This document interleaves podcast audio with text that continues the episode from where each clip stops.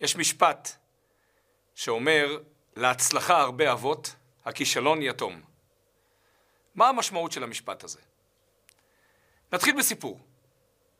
הסיפור מספר על אבא באירופה לפני 100-200 שנה, שהיה לו בן שהגיע לעולם השידוכים. כלומר, הגיע לגיל שכבר יכול להתחיל להיפגש על מנת להתחתן. האבא הזה, כמו כל אבא טוב, רוצה לדאוג שהבן שלו יתחתן עם בחורה טובה. ואז הוא מתחיל להגיד לבן שלו, תראה, יש בחורה כזאת, יש לה מעלות כאלה, בוא תיפגש איתה. הבחור מסכים, נפגש. אחרי פגישה אחת, חוזר לאבא, אומר, תשמע, אבא, היא לא חכמה מספיק. אוקיי, בסדר. בירורים, עוד קצת עשייה, מפגישים אותו עם בחורה שנייה. שוב, נפגש, אבא, זה לא זה. שלישית, רביעית, חמישית, כל פעם יש לו איזושהי טענה אחרת, זה לא זה, היא חכמה מדי, היא טיפשה מדי, היא אה, לא בעלת מידות, היא מדברת על עצמה, היא לא מדברת בכלל, וכולי וכולי. בשלב מסוים, האבא קלט את העניין. עוצר את הכל, קורא לבן לשיחה. בני היקר, הוא אומר לו, אני מרגיש שזה לא בעיה בבחורות, זה בעיה בך. יש לך יותר מדי גאווה. אתה מרגיש את עצמך יותר מדי שווה ערך. אני רוצה לשלוח אותך לחצי שנה לישיבה, שבה אתה תלמד רק על נושא אחד, נושא הענווה. בישיבה הזאת ידברו איתך חצי שנה מכל זווית אפשרית על מהי מעלת הענווה. על הכיפאק, אומר הילד, למה לא? אומר ועושה, הורס המטלטלים, נוסע לישיבה. באמת חצי שנה דחוסה שבה מדברים רק על ענווה, ענווה, ענווה, ענווה וכולי. אחרי חצי שנה, הוא חוזר הביתה. נו, ברוך השם, מה נשמע, איך היה, ויאללה לעבודה. נו, בוא תפגוש את הבחורה ההיא, הראשונה, ואם לא, אז השנייה, השלישית. אבא, אבא, אבא, תעצור את הכל. אני לא מבין אותך, אבא, אומר הילד. לפני חצי שנה, שעוד לא הייתי ענוותן, פגשתי את כל הבחורות האלה ואמרתי לך, זאת ככה, זאת ככה, זאת ככה. עכשיו, חצי שנה אחרי, שבנוסף לכל המעלות שלי אני גם ענוותן, עכשיו אתה רוצה להפגיש אותי איתם? לא מתאים, אבא. הסיפור הזה הוא למעשה סיפור הכנה והדגמה לשבוע שבו אנחנו נמצאים. אנחנו נמצאים בספירת העומר, ובספירת העומר אנחנו מתקנים כל יום מידה אחרת בנפש שלנו, על מנת להגיע יותר מוכנים לחג מתן תורה. בשבוע הזה, שהתחיל במוצאי שבת, אנחנו מתקנים את ספירת ההוד. אם אנחנו אה, זוכרים את המבנה של הספירות, כלומר המידות בנפש שלנו, אז זה מדורג כחסד, גבורה, תפארת, נצח, הוד, יסוד, מלכות. שבוע זה, אנחנו בשבוע החמישי, שהוא שבוע ההוד. מהי המילה הוד? ובעיקר איך אנחנו מתרגמים אותה לנפש שלנו פנימה. שני פירושים שמופיעים בספרי החסידות על המילה הוד, ושניהם בעצם משלימים אחד את השני. הוד מתפרש כמראה הוד והדר. כשאני עומד לפני דבר גבוה, מרשים, ענק, בין אם זה ענק פיזית, בין אם זה דבר שמרשים מבחינה רוחנית, או מרשים מבחינה אינטלקטואלית, או כל זווית אחרת שהיא זווית יותר גבוהה ממני, ויותר, אה, שאני מסתכל עליה מלמטה למעלה, אז אני באופן אוטומטי מרגיש קטן, מרגיש אה, צנוע יותר. כי הדבר הזה הוא כל כך גדול, שהגבהות שלו, והגדולה שלו, והרוממות שלו, משפיעה עליי להיות קטן. אז הפירוש הראשון במילה הוד זה בעצם ענווה. הפירוש השני במילה הוד זה שבעצם המילה הוד גזורה כחצי מילה מתוך מילה שלמה של הודאה. מהי המילה הודאה? הביטוי הוא מודים חכמים לרבי מאיר. כלומר, אני מודה שהצדק הוא כדבריך. המילה הודאה היא גם אני מודה שהצדק כדבריך, אבל אני גם אומר תודה. ושני הדברים האלה כרוכים אחד בשני. כשבן אדם מקבל משכורת בסוף חודש, לא הרבה אנשים אומרים תודה. רוב האנשים, הכסף נכנס אליהם ישירות לבנק, ובכלל לא טורחים להגיד תודה למעסיק. ובכלל, למה להגיד תודה למעסיק? הרי אני עבדתי. אולי המעסיק יגיד לי תודה. אז בתחושה שלי, אם אני עבדתי, אז זה מגיע לי. כל דבר שמגיע לי, אני לא מודה לו. אני לא מודה בפניו, ואני לא מודה שבכלל צריך להרגיש איזושהי אה, הכרת הטוב. כי אני עבדתי, ובסוף החודש אני מקבל משכורת. כשאנחנו מדברים על הודאה, אנחנו למעשה מדברים על התחושה שכל דבר קטן שהקדוש ברוך הוא עושה בעולמנו, הוא אדיר, הוא ענק, הוא גדול. כמה אנחנו צריכים להתבונן בו, לחשוב עליו, כמה הוא שווה ערך, כמה אנחנו בעצם קטנים. בואו נפרוט את זה לפרוטות, ונראה למעשה בברכות השחר. מתחיל ממודה אני באמת, שאנחנו מודים על עצם זה, מודה אני לפניך, מלך חי וקיים, שהחזרת בי נשמתי בחמלה, רבה אמונתך. דבר ראשון, ריבונו של עולם, תודה רבה שקמתי בבוקר והחזרת לי את הנשמה. כי לצערנו, במקרים מסוימים, זה לא קורה. אז קודם כל תודה רבה על זה. ואחר כך אני לא רק אומר תודה כללית, אני אומר תודה בפרטי פרטים. תשימו לב לברכות השחר, אנחנו מודים על דברים טריוויאליים, על דברים שאנחנו עושים אותם כל יום. זוקף כפופים, מלביש ערומים, פוקח עיוורים, על האפשרות שלנו להתלבש, על האפשרות שלנו אה, לפתוח את העיניים, לשמוע. בביקור בכל אה, בית רפואה, חס ושלום, אפשר לראות אנשים שלא יכולים לכבות גפרור עם אה, נשיפה. אין להם מספיק אוויר בריאות. כמה צריך להודות לקדוש ברוך הוא על פעולה פשוטה? כמה צריך להודות לקדוש ברוך הוא על פעולה פשוטה כמו עשיית צרכים? כמה חולי דיאליזה יש שנזקקים לטיפול כמה פעמים בשבוע על מנת להתפנות? אלה פעולות שלכאורה פעולות פשוטות, אבל הן מתנות מלמעלה. כשמסתכלים בזווית הזאת, אז למעשה מודים על כל דבר. שבוע ההוד הוא שבוע ההרגשה שאנחנו אנשים פשוטים, אנחנו מקבלים מהקדוש ברוך הוא מתנות, והקדוש ברוך הוא נתן לנו את המתנות האלה בחפץ לב, ורוצה שנעשה איתם שימוש חיובי. אבל קודם כל, תודה. למעשה, מידת ההוד במכלול הכללי היא לא מידה שנותנת משהו ספציפי, היא נותנת מלח ופלפל לתוך החיים. הרי כשאנחנו מדברים על ההוד, אז בשבוע ההוד זה לא מנותק מהכל.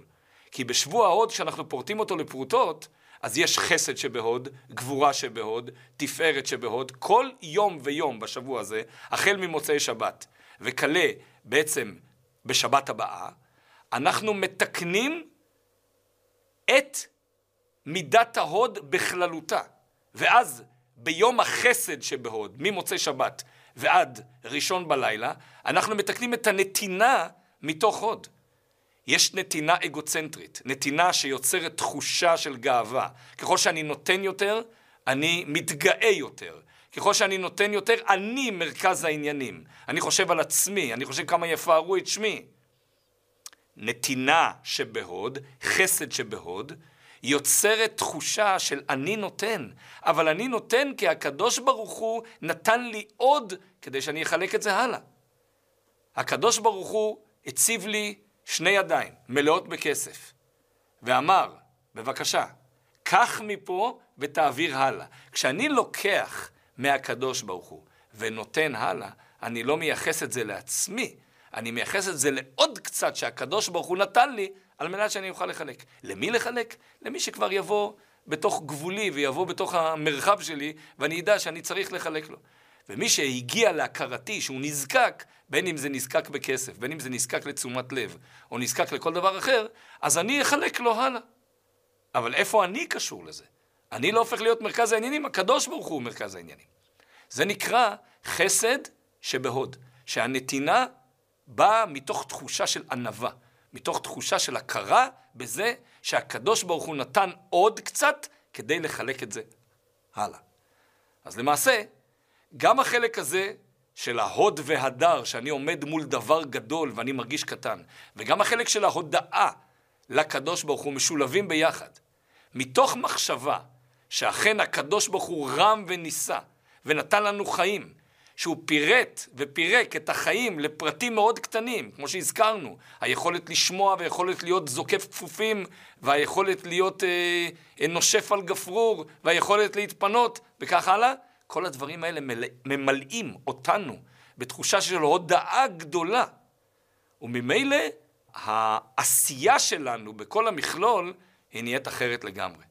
אם נחזור לבחור בתחילת הסיפור, הבחור הבררן, שאמר זאת לא וזאת לא וזאת לא, ולכל אחת הוא המציא סיבה, למעשה, המניע, או החלק הנסתר בתוך הישות של הבחור, היא האגוצנטריות. היא התחושה שאני מרכז העניינים. ומי ידמה לי ומי ישווה לי, ומי יכול בכלל להתאים לי, ועוד יותר מזה, אם אני גם הלכתי לישיבה ולמדתי חצי שנה על ענווה, אז אני בכלל איזושהי דמות שבכלל לא ניתן אה, להיות, אה, להיות קשור אליה. וממילא אני גם לא יכול להתחתן עם מישהו שהוא לא בערכי בכלל. וככל שעוברות השנים, אז האגו מתווסף ומתווסף ומתווסף, וממילא לא ניתן לבנות חיים בצורה הזאת. למעשה, גם אם הסיפור הזה הוא רק משל, אבל למעשה, איפשהו אנחנו צריכים למצוא את עצמנו בתוך הסיפור הזה. ברגע שאנחנו מרכז העניינים, ברגע שהחשיבה שלנו היא אגוצנטרית לגמרי, מה ממלא אותנו, מה מקדם אותנו, מה הופך אותנו ליותר אה, חשובים בעיני עצמנו. אה, אנחנו חיים בעולם מערבי, בעולם מערבי ההרגל הוא שהאדם נמצא במרכז התמונה. והעשיות, כל העשיות מסביב סובבות רק כדי לקדם אותו. אבל מבחינת תיקון המידות זה תיקון מאוד חשוב. כי כשאדם נמצא במרכז התמונה, קשה לו לפתח זוגיות נכונה, קשה לו לעבוד במקום העבודה, בגלל שהוא נתקל בעוד הרבה אנשים שחושבים שהם מרכז התמונה. אז אם כל אחד הוא מרכז התמונה, אז התמונה נסחבת לכל מיני מקומות. וממילא נוצרים קונפליקטים, נוצרים קשיים.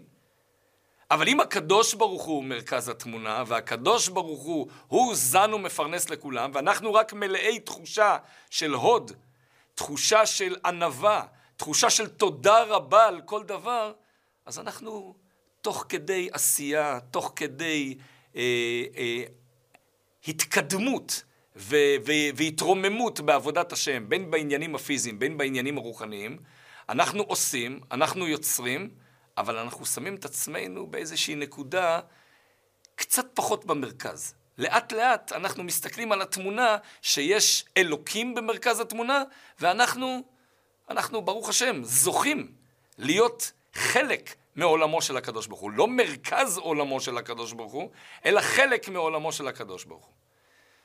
ואם נחזור למשפט שאיתו פתחנו, להצלחה הרבה אבות, הכישלון יתום, אז זה בעצם נובע מאותה תחושה. אם אני מצליח, אז אני מיד לוקח קרדיט על ההצלחה. למה אני לוקח קרדיט על ההצלחה? כי, כי, כי אני, אני מרכז התמונה. אז אם אני מרכז התמונה, אז אני מיד משייך את ההצלחה לעצמי, וכל הצלחה בונה אותי יותר ויותר ויותר, ומקדמת אותי מבחינתי לא, לאיזושהי פסגת שאיפות להיות מושלם. אבל ברגע שאני נכשל, אז הכישלון יתום, אף אחד לא לוקח עליו אחריות. למה? כי בחשיבה הזאת, מה פתאום שאני אכשל? הרי אני כזה מושלם, אז לא מתאים לי להיכשל. אז אני תמיד אייחס את הכישלונות לכל אחד אחר. אז תמיד יימצאו בסביב, בסביבתי אנשים שיצטרכו לקחת חלק בכישלונות שלי. כי לא מתאים לי להודות בכישלונות, כי אני כזה מוצלח, כי אני כזה מוכשר, כי אני מרכז התמונה, אז אני זורק את הכישלונות הלאה. מה קורה בחיים שאנחנו חיים בהם בתוך המכלול, בין אם זה בזוגיות, בין אם זה בחינוך ילדים, בין אם זה בתוך עבודה, בין אם זה בחברה, ואנחנו נשליך על כולם את הכישלונות שלנו, זה לא נעים. אף אחד לא רוצה להיות בחברת מישהו שאת כל הכישלונות הוא זורק על השני. אז הכישלון נשאר יתום. מה האמת? שמתוך תחושה של ענווה, מתוך תחושה של הכרת עצמי, מתוך תחושה של הבנה את מקומי האמיתי, מותר לי ואני צריך להודות בכישלון. כן, נכשלתי. כי אני לא איזשהו אדם מושלם ש, ש, ש, שלא נכשל. כן, חלק מהישות שלנו גם זה שלפעמים אנחנו נכשלים. ואנחנו צריכים להודות בכישלון. מהות התשובה מהי? קודם כל, שאדם יכיר בעובדה שהוא חטא, שהוא נכשל. אחרי שהוא מכיר בעובדה הזאת, אז יש לו רצון גם לתקן.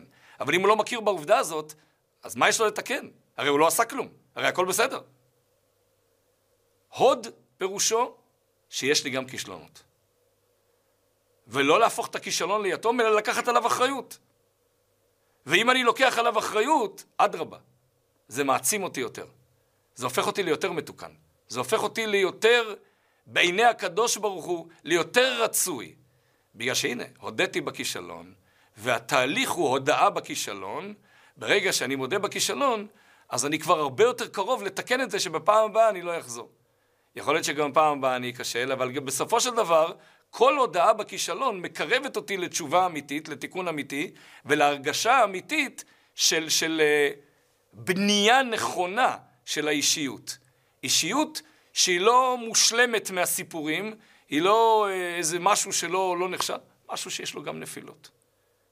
ומכל נפילה אפשר לקום. בפסוק כתוב, שבע יפול צדיק וקם. החידוש הוא לא בשבע יפול צדיק. זה ודאי שזה קורה, זה קורה לכל אחד. החידוש הוא וקם. אם אני מבין נכון שאני לא מושלם, ואני, יש בי דברים שאני צריך לתקן, אז אני גם יכול לקום מהמקום הזה. אז נחזור לתיקון הזה של השבוע הזה. בשבוע הזה, יום אחרי יום, אנחנו מתבוננים בנקודה הזאת בנפש, בענווה. למרות שהענווה לא נותנת משהו ממשי, אבל היא נותנת את המלח והפלפל של החיים, שאיתם אפשר לבנות חברה מושלמת. איתם אפשר באמת לתקשר ו- ו- ולבנות מערכת של קשרים שהיא אמיתית. לא אני במרכז התמונה, לפעמים הזולת יכול להיכנס למרכז התמונה. לא אני כל הזמן חושב על מה מספק אותי, או מה מרצה אותי, או מה מקדם אותי, אלא אני מבין שיש דברים הרבה יותר גבוהים. וזה הקדוש ברוך הוא. מה רוצה הקדוש ברוך הוא כרגע? מה הוא היה רוצה שאני אעשה? לפעמים זה דורש ויתור על דברים מסוימים, לפעמים זה דורש התקדמות יותר, לפעמים זה דורש לסגת אחורה, ולדעת את המקום המיועד לנו. זאת הנקודה של השבוע הזה, ומן הסתם, מלמעלה, בשבוע הזה ינסו אותנו בפרטים האלה, בכל הנושא של הענווה. אבל אם אנחנו נהיה מוכנים ומזומנים, הנני מוכן ומזומן לקיים מצוות עשה של ספירת העומר, אנחנו נהיה בערנות, אנחנו נפגוש את התיקונים הקטנים האלה של הענווה, ואנחנו נדע. תודה רבה הקדוש ברוך הוא שאתה מנסה אותנו בשבוע הזה, כי אתה רוצה לעורר אצלנו את מידת הענווה, ואנחנו כל יום ויום בפריסה של שבעה ימים, אנחנו נתקן את החסד שבעוד, הגבורה שבעוד, וכך הלאה והלאה והלאה עד הסוף. בתיקון הכללי של כל השבוע הזה, במצטבר עם כל השבועות, ודאי שאנחנו נגיע יותר מוכנים לחג השבועות, חג מתן תורה, שנזכה ביחד לקבל את התורה בשמחה ובפנימיות, כלשונו של הרבי הקודם, הרבי הריאץ, ובעזרת השם נזכה לגאולה האמיתית והשלמה במהרה בימינו, אמן.